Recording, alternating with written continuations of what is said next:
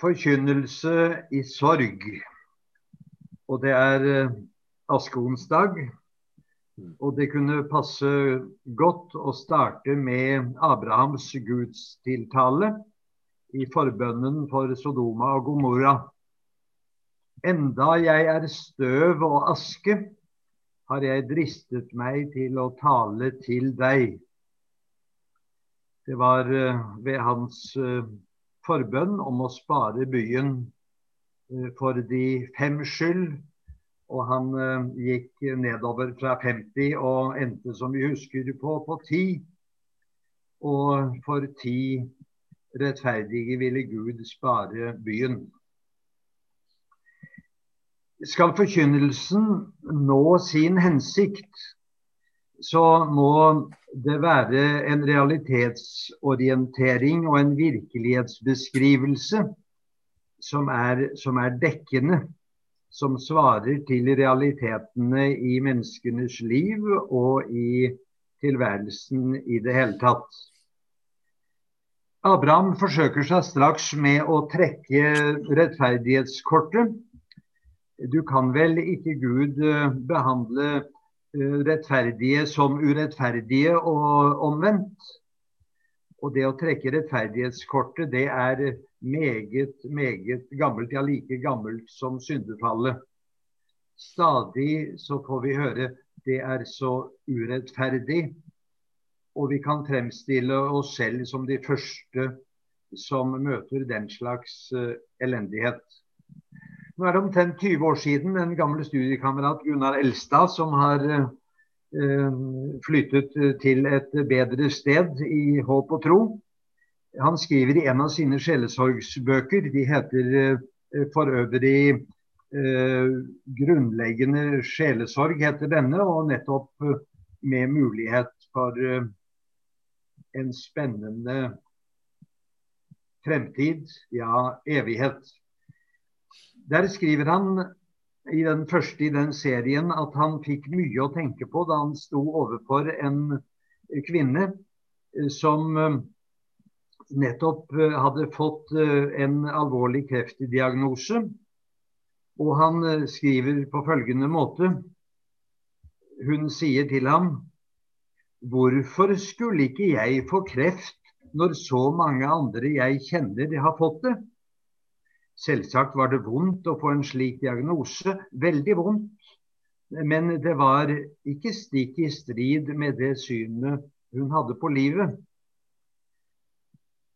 Så inviterer han leseren til en vestlandskirkegård.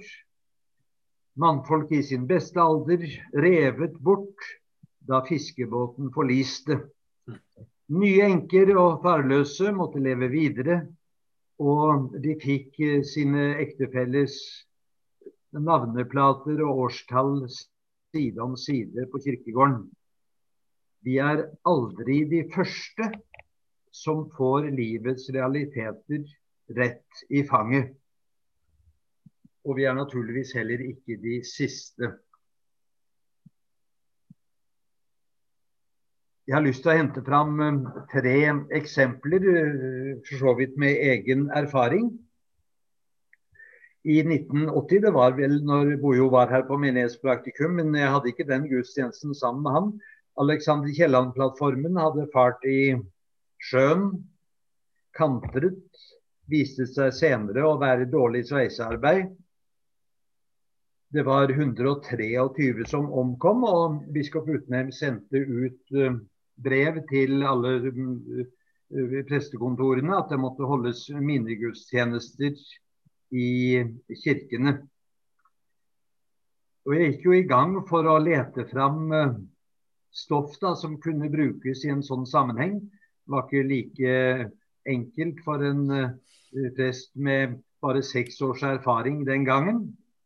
Hun kom altså over Landstads salmebok med bønner eh, til, for, eh, fra mennesker i havsnød, som gjerne da var lagt øverst i skipssekken til de unge sjøfolka. Og Der var det bønn i havsnød som begynte sånn. O Herre, det er bare en planke mellom meg og den visse avgrunn. Herre, hjelp, miskunn deg over oss. Så var det ikke planker i Alexander Kielland, men det var noen millimeter med stål. Og bønnen ble da enkelt skrevet om O Herre, det er bare noen millimeter med stål mellom meg og den visse avgrunn. Herre, hjelp, miskunn deg over oss. Og av det lærer vi at ny teknologi og nye materialer ja, de er for så vidt sårbare i haugevis fortsatt. Materialtrøtthet og menneskelig feil og svikt, for ikke å si ren sabotasje, er en realitet også i moderne tider. Heller ikke der er vi de første. Så hopper vi til 1986. Jeg hadde rep-øvelse i Nord-Norge som feltprest i 2. bataljon, som da skulle krige mot brigaden der oppe. Og Vassdalen-ulykken i 1986. 16 soldater omkom, og 15 overlevde. Nå var de da hos eh, fienden, men det var bare to kilometer fra vår innkvartering på Elvegårdsmoen. Og vår bataljonssjef han eh, kom jo straks og sa her må være eh, minnegudstjeneste. Og jeg forlanger at hele bataljonen på 600 mann skal møtes. Jeg fikk jo prompte tillitsmennene løpende inn på eh, min enkle brakke ikke tale om at de skulle til kirken. Jeg tar en ny konferanse med bataljonssjefen, og jeg skal sørge for at religionsfriheten skal beholdes. Og når jeg da kom til eh, denne bataljonssjefen, som var helt av den mer enn gamle skole, så måtte jeg bare til slutt si sånn skal det bli noen uh, minnegudstjeneste i Bjerkvik kirke så blir det jeg som sier første ordet, og ikke du. Og da ble han jo sur for det, men sier ja vel, når du er så sta, så er det greit. Og jeg tenkte som så eh, Tillitsmennene hadde jo da sagt at vi kommer til å melde hele bataljonssjefen og alt sammen da for bruddet rimeligvis på religionsfriheten, og det støttet jeg de at det må dere bare gjøre. Men så kom de nå, alle tillitsmennene også, og de øvrige 600. Og min åpningsreplikk var omtrent sånn.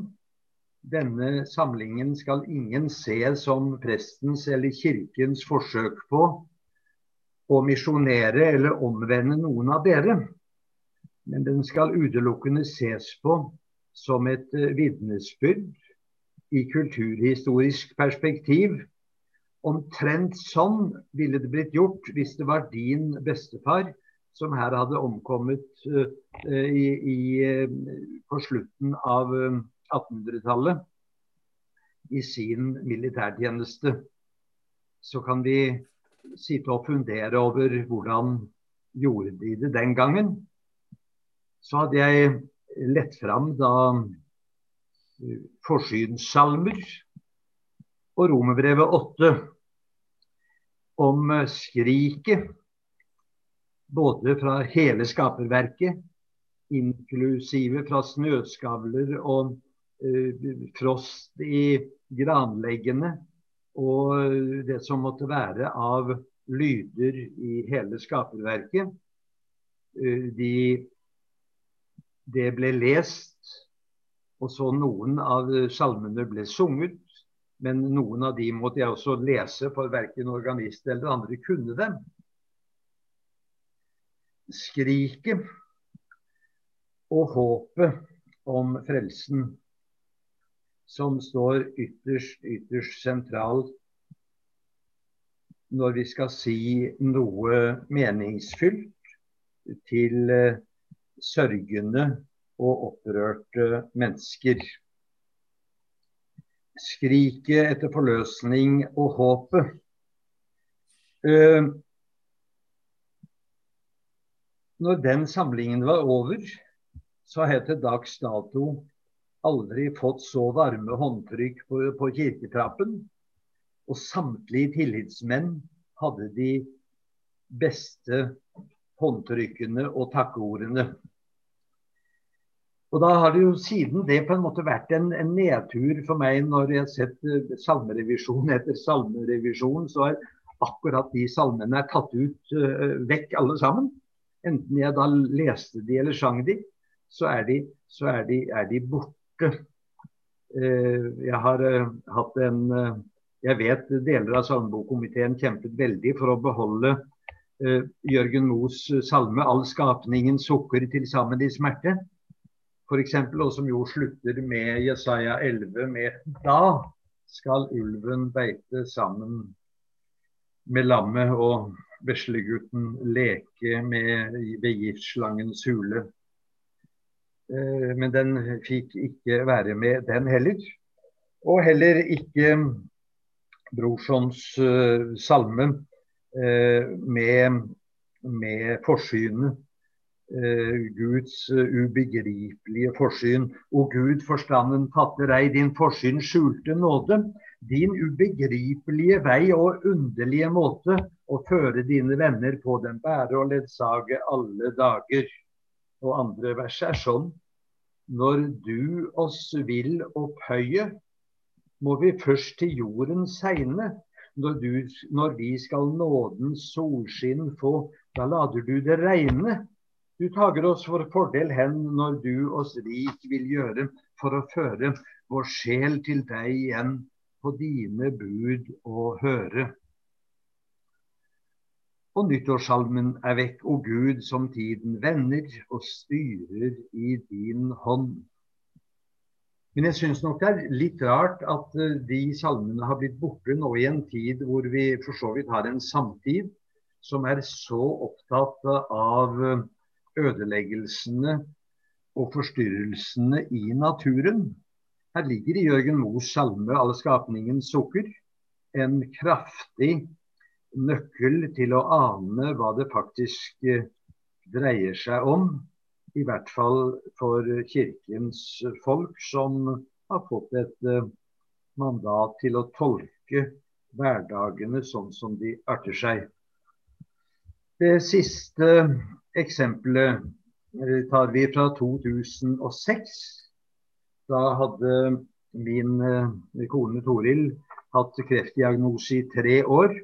Og jeg ble to måneder etter begravelsen spurt om eh, jeg kunne komme til ungdomsgruppa i Gamle kirke her da, og, og si litt hvordan det er å, å miste den du har vært så knyttet opp til i så mange år. Hun var 59, og jeg var da 60 år. Og det ble en, en, en underlig og jeg holdt på å si det ble, en, det ble altså en utrolig oppbyggelig kveld. Eh, jeg kunne, jeg sa sikkert eh, Dere skal bare få en helt kort-kort versjon, og den er sånn. Jeg fortalte at jeg var i min første begravelse som åtteåring etter bestemor. Etter mormor. Og når vi kom hjem fra kirken, så sier mor ta meg på fanget som åtteåring. Ellers satt jeg ikke mye på mors fang, men da satt jeg på fanget, og så sier hun du syns vel dette var litt rart? Ja, det var vel i grunnen det, sa jeg. Sånn, ja. Du skjønner det, gutten min, sa mor. Vi må øve oss i det at vi skal ente være her bestandig.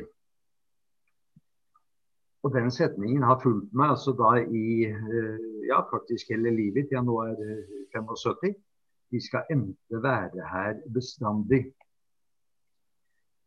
Det fortalte jeg de unge. Og så sier jeg når jeg gikk i tredje klasse, så sang vi med Jesus vil eg fara på livsens ferd i lag. Gud lat en samferd vare alt til min døyan dag. Da sang vi om døden i tredje klasse. Og de kikket med rimelig store øyne. Og når jeg var 14-15 og var ferdig med konfirmasjonen og begynte i KFUMs uh, eh, megakule ungdomsklubb med mye pingpong og, og kurong og pølser og rundstykker og turer og sketsjer, men alltid andakt og alltid avslutningssang, enten Bredina Vida Vingar eller så går en dag en sånn vår tid. Og der lyder siste verset sånn. Men om det stilla dødens bud i denne natt jeg hør, det er min Det er um, øh, uh, Bojo, hvordan var den, sa du? Det er min, det er min trøst. Det er min trøst. Det er min trøst at som din, o Gud, jeg lever og jeg dør. Og så gikk vi på nachspiel etterpå, se. Så bryter en av ungdommene, en nydelig jente på 16 år, ser på meg med store øyne og sier Hvorfor er det ingen som har lært meg og oss sånne sanger? Og så ble jeg litt eh, svar skyldig. Jeg hadde jo konfirmert halvparten av det i hvert fall. Men det dreier seg altså om uh, virkelighetsbeskrivelsen og altså om uh, realitetsorienteringen. Om vi skal uh, nå fram med forkynnelsens hensikt. Det må være en dekkende beskrivelse av dagens realiteter. Da skynder jeg meg videre til to tekster, to viktige tekster som på en måte bør være bærebjelker bak all forkynnelse i sorg. Og Det er Romerne 8, 18-24, og det er Hebreerne 12, 26-19. Jeg leser begge to. Vi vet at helt til denne dagen sukker og stønner alt det skapte samstemt, som i fødselsrier, ja enda mer. Også vi som har fått Ånden, den første frukt av høsten som kommer, sukker med oss selv og lengter etter å bli Guds barn fullt og helt når kroppen vår blir satt fri. For i håpet er vi frelst. Et håp vi alt ser oppfylt, er ikke noe håp. Hvordan kan noen håpe på det de ser? Men hvis vi håper på det vi ikke ser, da venter vi med tålmodighet. Og hebreerne. En sterk tidløs realitetsbeskrivelse også her. Den gangen fikk hans røst jorden til å skjelve. Men nå har han lovet enda en gang vil jeg riste ikke bare jorden, men også himmelen. Her står det enda en gang. Dette viser at det som kan rokkes fordi det hører til det skapte, det skal skiftes ut for at det som ikke kan rokkes, skal bestå. Derfor, siden vi får et urokkelig rike, så la oss være takknemlige og med takk gjøre vår tjeneste i Guds frykt og ærefrykt, til glede for Gud. For vår Gud er en fortærende uh, ild. Forkynnelsen i sorg må forsøke hele tiden å bevege seg mellom skriket og håpet. Mellom skriket med en dekkende realitets- og virkelighetsbeskrivelse og håpet om eh, et rike som ikke kan rokkes som ikke kan riste i stykker. Og er det det vi har i skaperverket, et rike som kan riste i stykker? Ja, akkurat det har vi. Og det kommer til å skje.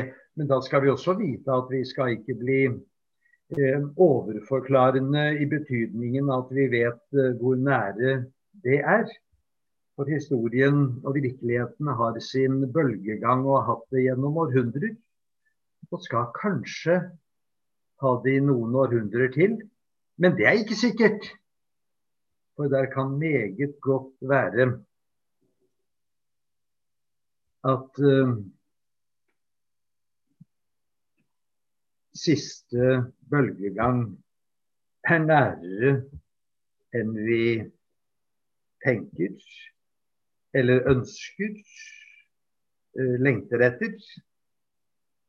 Men der er det vel eh, de i kirkelandskapet som vi har aller vanskeligst for å identifisere oss med. De som er helt sikre på at uh, enten de kaller det det ene eller det andre, så er liksom dette den siste gangen. Og noen av oss uh, vet at uh, rasjoneringsmerkene under siste krigen ble tolket som dyrets merke, og det var visst ikke det, det heller.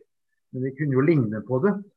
Og sånn er det hele veien i disse bølgedalene, at det er ting som ligner og minner om at vår virkelighet, den er en virkelighet som eh, er under eh, avvikling. Før nyskapelsen kommer. Da vil jeg til sist ta med noen få elementer om, eh, om gudsåpenbaringen rundt omkring oss. Eh, og ikke minst naturelementene i gudsåpenbaringen, som jeg tror er i stand til å kommunisere med mennesker til alle tider. Det er vel faktisk nå omtrent 40 eh, år siden at jeg hørte en, en radiopreken av, av, av Lønning, av T. Lønning. Og der hadde han om Elia på, på Hermonfjellet. Og hadde da på en måte som hovedsak om, om Gud som var i den stille susen. Men det var liksom der han var, også i den stille susen. Nå sa ikke Lønning at han ikke var andre steder, men faktisk har det på de 40 årene har jeg følelsen av blitt gjort en, en dogmatikk av at uh, for, for, Gud var ikke i stormen, han var ikke i jordskjelvet, han var ikke i ilden. Men han var i den stille susen. Og da er vi straks kommet derhen at skal vi ha med Gud å gjøre, så er det liksom bare de behagelige bildene vi formidler videre. Og da blir det litt vanskelig å få den til å stemme med, med virkeligheten. For hvis man f.eks. da leser Salme 104, så er lyset Guds kappe, skyene er Guds vogn, vindene er Guds engler, ilden er Guds tjener, og tordenen er Guds røst. Og Sannelig står det i åpenbaringsboken 1 at Johannes får se menneskesønnen. Han får se menneskesønnen, men øynene hans er som flammende ild og røsten hans er som uh, du, som duren av, av veldige vannmasser. Og uh, vi lærte visst som barn sånn i folketradisjonen at tordenværet var Thor med hammeren.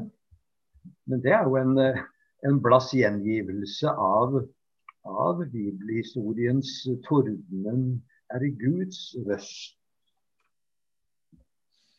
Heldigvis er det Gud i den stille susen. Men han er jo i så mye, mye, mye mer. Og at det er menneskesønnen som trer fram med flammende ild i øynene, det er såpass sterkt at vi, vi trenger lang fordøyelsestid på så kraftige Guds åpenbaringer. Og Hvis vi ikke klarer på en måte å vinne tilbake på vettug forstand med å hente fram en rikere åpenbaringsforståelse uh, i lys av uh, Skriftens uh, store, store billedbok, som da ikke er bilder som som, eh, som, løgn og fanteri, men som bilder av den sanne og store virkelighet. da, da, har vi liksom ikke så mye å, å si verken i sorgens stund eller i gledens stund. For det er klart Vi valgte disse siste 40 årene å, å ta bildene fra, fra, den myke siden, Gud i den stille uh, susen. Men det er bare halvparten av det gudsbildet som uh, Skriften tegner. Uh, vi, jo, vi, synger jo i alle fugler det andre verset. Sky, skog og mark i grønne skrud kler seg nå på Herrens bud. Det er flott, og det er rikt. Og Det er jo da gledesaspektet som ikke jeg skal si noe om. Men, mens uh, vi sier jo ellers, og ikke minst husker jeg, husker jeg bestefar sa gjerne det er naturen, eller det er våren. Men disse bildene har vi, viss, har vi brukt rimelig mye i forkynnelsen. Uh, selv om vi ikke sier lenger at våren er, er et uttrykk for Den hellige ånd.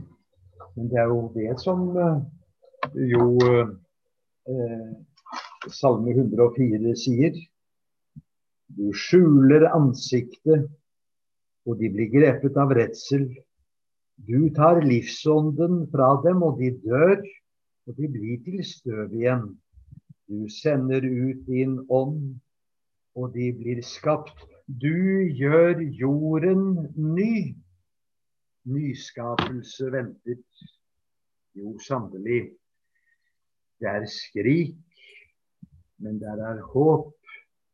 Og det håpet, det får vi, og det har vi nok sagt om igjen og om igjen når vi har fulgt kjente og ukjente til det siste hvilested.